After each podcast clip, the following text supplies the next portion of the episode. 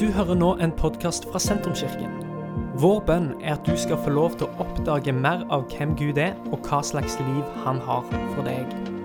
Mer informasjon om hvem vi er og hva som skjer i kirka, befinner du på sentrums.no og i sosiale medier. Hei, takk for at du har kobla deg på podkasten vår. Jeg skal introdusere en eh, ny miniserie nå for de tre neste søndagene som eh, heter Åndelig erfaring. Eh, vi har nå gjort bak oss en måned som handler om å tilrettelegge for å leve et åndelig liv, der vi gir rom i hverdagen for at Gud kan snakke til oss og møte oss. Der vi kanskje er ekstra årvåkne og til stede, til, så vi kan se det som Gud allerede gjør. Eh, og dette er et viktig fokus som jeg ikke kommer til å eh, legge vekk. Jeg tenker det er viktig at vi fortsetter i, eh, i det samme sporet. I fjor når vi måtte stenge ned gudstjenester omtrent på denne tida, så, så, var håpet at vi kunne komme tilbake igjen som ei sterkere kirke, åndelig modne. Og vi vet at det er flere som har fått det vanskelig med troen sin nå når kirka måtte stenge ned. Men så ser vi òg gjennom de, den enkle undersøkelsen som vi har gjort, at det er ganske mange som har brukt tida og anledningen som det har gitt til å søke Gud mer hjemme. Det er et klart, klart flertall som sier at de har brukt mer tid sammen med Gud. Brukt tid på å lese i Bibelen og på eh, å be. Eh, mange som sier at de har kobla på bønner og fasteaksjon, som har gitt de rammer og gode eh, vaner for tid med Gud hjemme. Eh, og det er jo oppløftende. Det er noe som vi håper kan fortsette, for det er en veldig viktig del av hvem vi er som, eh, som kirke. Eh, nå når det har vært et eh, litt rart år, så er jo det en mulighet til å stoppe opp og spørre seg sjøl litt hva som er viktig. Eh, og at vi ikke bare som kirke blir del av samfunnets jag etter større, bedre og vakrere. Eh, selv om det er virkelig pent når kirka vokser seg større og blir bedre og vakrere. Eh, så det er klart det skal vi ikke legge på sida. Men eh, vi kan spørre oss sjøl hva er det kirka skal gjøre, og hvordan skjer det? Eldste dattera min, Miriam hun kom hjem fra skolen en dag. Da hadde de hatt religion. Og hun spurte meg er pappa, er målet vårt som kristne å komme til himmelen. Eh, og så lurte jeg på hvorfor hun spurte om det. Jo, for det var det hun hadde hørt på skolen at kristendommen handla om. De kristne var opptatt av å komme til himmelen. Og hun fikk ikke helt det til å stemme med det som hun hadde fått med seg hva kristen eh, tro var for noe. Så er vi ikke opptatt av det som skjer på jorda? Eh, er det å være kristen er det bare å håpe på noe som skal skje etter eh, døden? Og i beste fall så er det, en, så er det som hun hørte på skolen, en skeiv framstilling. For det er, det er, jo sant at håpet i evangeliet det er et liv etter døden. Og det er sant at den som tror på Jesus, han skal leve sjøl om han dør, og at vi er oppstått med han, og at livet er sterkere enn døden. Døden er beseira. Eh, og det kristne håpet gir oss trøst i møte med døden. Men så det er ikke feil. Eh, men samtidig så er det heller ikke rett at det å være kristen er å gå og vente på at Jesus skal ta oss vekk fra jorda. Å være kristen det er å forberede for Han. Det er å leve Hans rike på jorda. Ikke at vi venter på at Han skal ta oss vekk, men vi venter på at Han skal komme tilbake igjen eh, til oss. Eh, og når livet er en forberedelse på det, så tror vi at Hans rike er det beste riket. Vi tror at hans liv og det livet som han har for oss, er det beste livet, og eh, at hans lære, at det han sier, er sant. Da ønsker vi å være som han i verden. Paulus han oppsummerer sin tjeneste i Kolosserbrevet 1, 24-29. Og der skriver han dette. Nå gleder jeg meg over mine lidelser for dere, og det som ennå mangler i Kristi lidelser, det utfyller jeg med min egen kropp. Jeg lider for hans kropp, som er kirka. Jeg er blitt en tjener for kirka i kraft av den forvalteroppgaven Gud har gitt meg hos dere, å fullføre tjenesten med Guds ord. Det mysteriet som har vært skjult gjennom alle tider og for alle slekter, men som nå er blitt åpenbart for Hans hellige. Gud ville kunngjøre for, for de hvor rikt og herlig dette mysteriet er for folkeslagene, Kristus blant dere, håpet om herlighet. Det er Han vi forkynner, og vi rettleder og underviser alle mennesker i den fulle visdom for å føre hvert menneske fram til modenhet i Kristus. For å nå dette målet arbeider og kjemper jeg i Hans kraft, den som virker i meg med styrke. Paulus går her gjennom hva som er hans store formål i det som han gjør. Eh, først så snakker han om noe som vi ikke syns er så, så, populært i vår tid, om, om lidelse. Eh, og lidelse er uunngåelig en del av tjenesten for Jesus.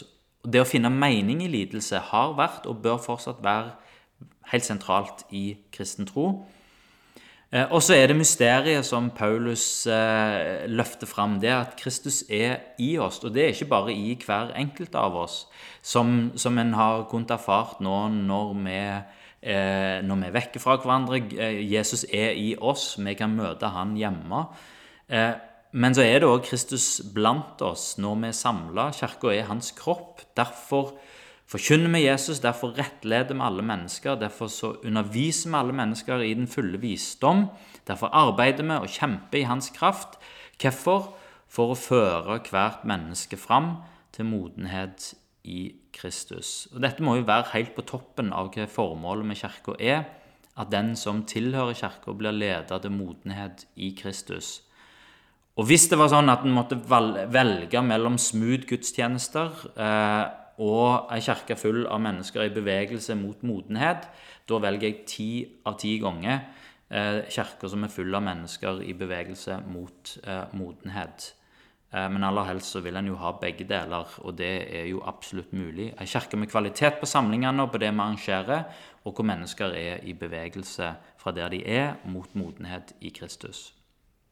Når en er en etterfølger av Jesus, da er en ikke bare en fan og en beundrer, men en er en som går på Jesus sin vei, en som følger Jesus sin lære, og en som lever med Jesus som uh, forbilde. Kirka tilrettelegger for at vi som individer sammen kan følge Jesus, sammen med de andre, og at en vokser i modenhet, både som individer og sammen med de andre. At en begynner å ligne uh, på han. Når vi følger Jesus i fellesskap, da er vi sammen hans kropp med hans hjem, hans bygning, hans brud. Og En av de viktigste tekstene i Nytestamentet er Matteus 28, 18-20. Den blir dratt opp som den avgjørende teksten for å drive misjon, og kalles derfor òg misjonsbefalingen. Men han kunne likså godt blitt kalt for disippelbefalingen.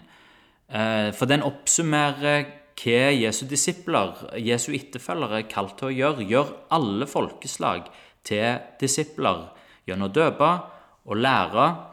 Eh, og lære de alt som, eh, som Jesus har befalt, eh, befalt de.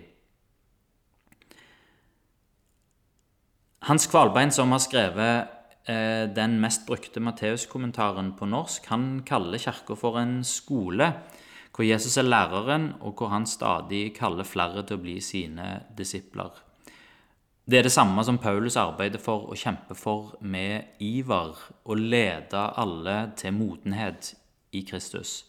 Derfor skal òg denne kirka, Sentrumskirka, være en skole eh, hvor eh, de som er Jesu etterfølgere, eh, ledes til modenhet eh, i, i, Kristus. Og der, Derfor vil vi igjen og igjen peke på Jesus, eh, for vi modnes i han, eh, og vi ligner på han. Og Jeg har lyst til å introdusere en måte å tenke på rundt det å være, eh, være disippel. Eh, å bruke en, en trikant der eh, alle tre delene er eh, like viktige. Eh, når en ser for seg en radikal etterfølgelse av Jesus, så, og når en ønsker en radikal etterfølgelse av Jesus og vil følge hans lærer, gå på hans vei, gjøre det som han sier, så vil det òg avsløre radikale svakheter i livet vårt. I vår personlighet, i bakgrunnen, i måten en tenker på, eh, og i eh, livsførsel. Når en vil eh, gjøre det som Jesus sier, så kommer en til å ta valg som en ikke klarer å gjennomføre. En kommer til å bestemme seg for å slutte med ting som en ikke blir helt kvitt. En kommer til å ha et dypt ønske om å behandle folk rundt seg rett, for så å oppdage at en ikke alltid klarer å behandle alle rett. Eh, så et ønske om å følge Jesus og leve hans vei vil nesten ubønnhørlig lede oss til erkjennelse av egen utilstrekkelighet. Eh, og hvis, ikke, hvis, det ikke gjør det, så havner, du, så havner en jo veldig fort i en uh, selvrettferdighetsbås der en sjøl får til alt, og der har, det er fort gjort å peke finger på de andre. Derfor så trenger vi en sånn bunnplanke i disippeltrekanten. Vi trenger et fundament som alt det andre kan stå på. Og det fundamentet, det er evangeliet om Guds nåde. Uh, det er sannheten som vi skal bli kjent med, og som setter oss fri. Det er Guds ord, det er det som Gud har sagt. Det er det som Gud, eh, den identiteten som Gud har gitt meg, det som Gud har gitt meg i Jesus og i evangeliet. Det er fossefallet som den troende står under. Eh, der det kommer ny nåde hver dag, det kommer nytt liv hver dag. Det handler om hvem du er i Jesus, det handler om hva du har i Jesus. Uh, og det handler ikke om hva du må gjøre for han, men hva han har gjort for deg. Det handler om hva vi kan ta imot, uh, ikke hva vi skal klatre opp til. Og uten at vi bygger denne grunnmuren, så vil det være vanskelig for oss å følge etter Jesus. Uh, fordi vi så fort faller i fordømmelse. Der vi dømmer oss sjøl hardt når vi ikke når opp. Og der når vi dømmer oss sjøl hardt, så tenker vi at Gud gjør det samme. Det er noen som tror at evangeliet er for de som ikke eh, tror. Eh, og når en har tatt imot evangeliet, så trenger en undervisning for viderekomne. Altså der er en, en differensierer evangeliet for de som ikke tror, og for de som tror, så trenger en noe annet. Og trenger en eh, modenhetsundervisning. Jeg tror ikke det stemmer helt. Vi må hele tida sikre at fundamentet står fast. At Jesus er hjørnesteinen for hele byggverket. At evangeliet er fundamentet. Eh, og derfor må en komme tilbake igjen til det. Det må være utgangspunktet for alt en forkynner, og alt det som en tror. Så, eh, så for, at, eh, for at denne disippeltrekanten skal bli rett, så trenger dette å være fundamentet. Det Jesus har gjort for oss, evangeliet om Guds nåde, hvem jeg er i Han. Så er den ene sida på trekanten kan vi kalle for eh, åndelige praksiser, eller noen kaller det for hellige handlinger.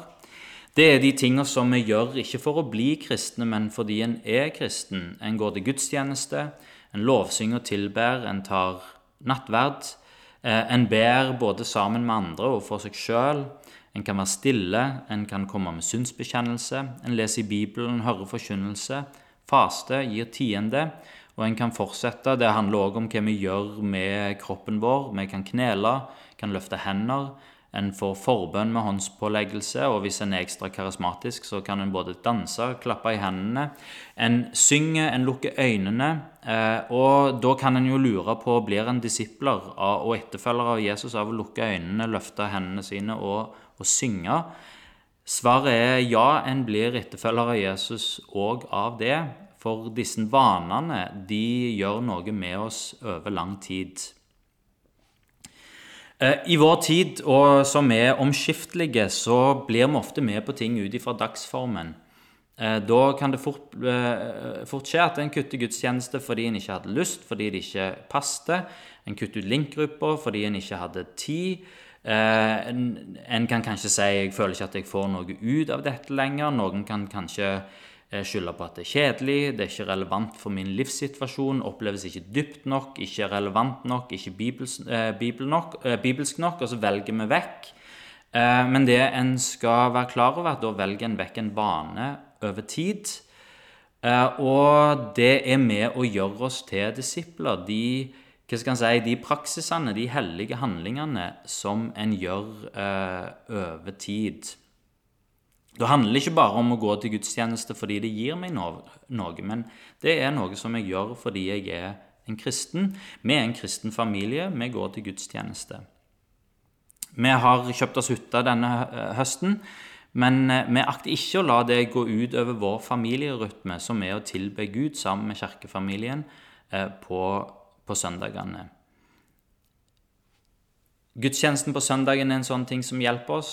Eh, bibelleseplan, bønneplan, det kan hjelpe oss til å få vaner rundt bønn og bibellesning. Givertjenesten hjelper oss til forutsigbarhet rundt vår giverpraksis. og der, der vil jeg bare oppmuntre oss til å hive oss på alle ting som kan hjelpe oss til å få gode vaner rundt praksisene. For disse vanene vi blir det som vi elsker, og disse vanene, når de blir, blir på en måte tatt inn i hverdagen, eh, så er det med å på lang sikt føre oss til modenhet. Så er det den siste delen av denne trekanten. Det er erfaringen. Eh, og det er det, det som den klassiske pinsekarismatiske tradisjonen har veid eh, tyngst. Erfaringen av Gud er det som på mange måter og for mange har båret troen. Du blir frelst når du erfarer, når du får et sterkt møte med Den hellige ånd, eller når du opplever et eh, mirakel.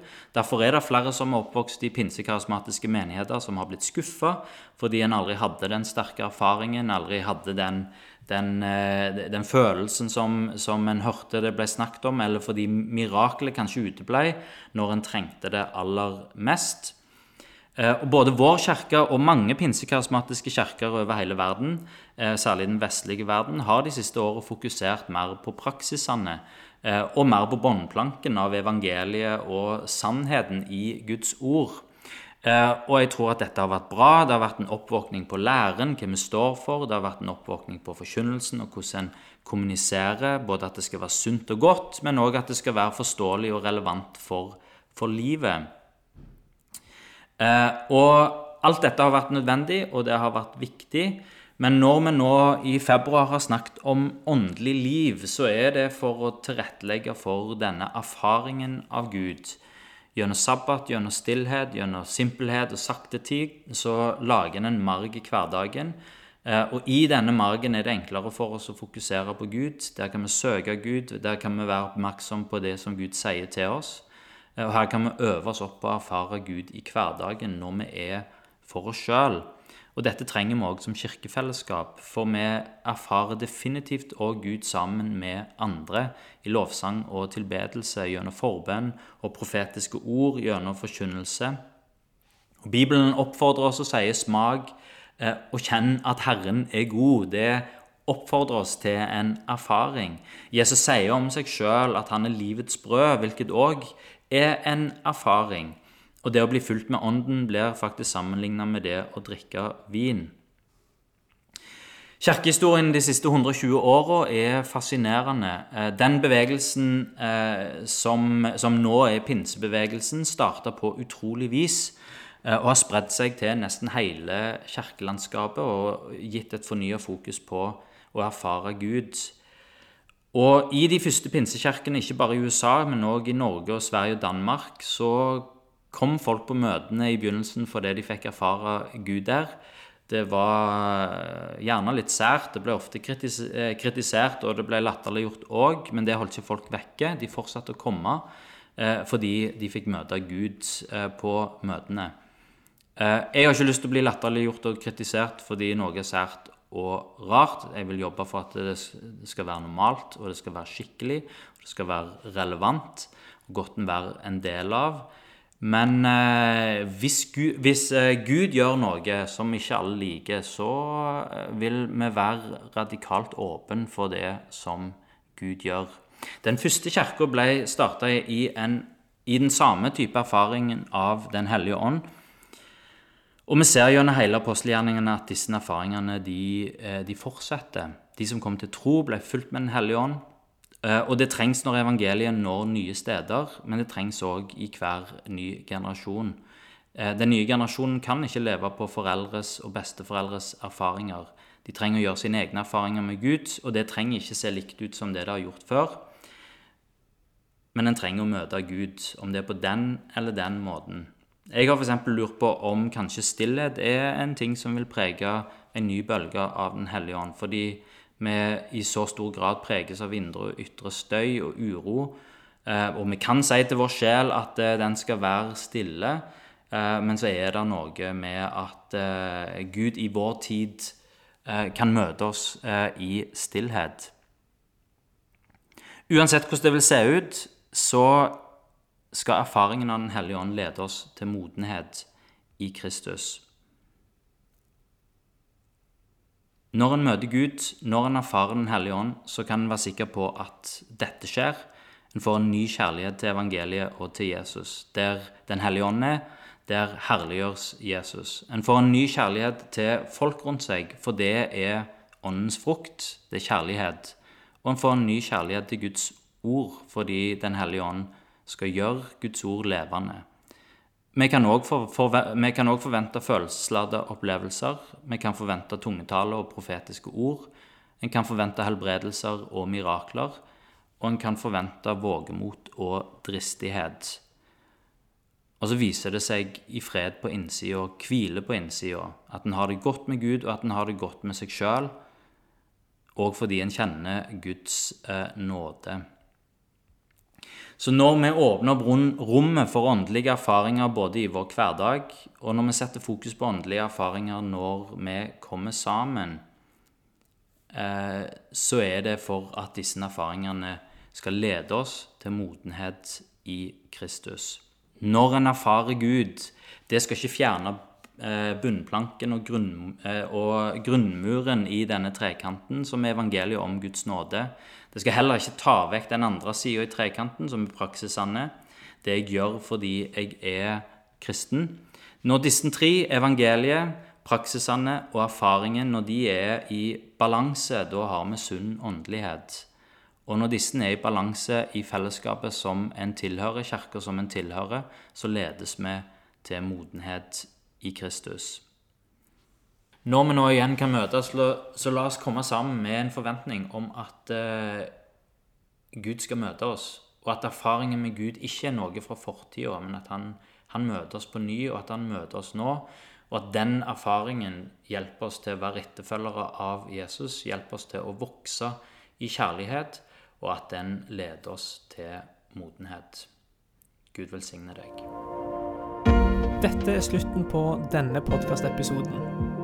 Har du spørsmål om Jesus, om tro, om livet, så er du hjertelig velkommen til å ta kontakt med oss via sentrums.no.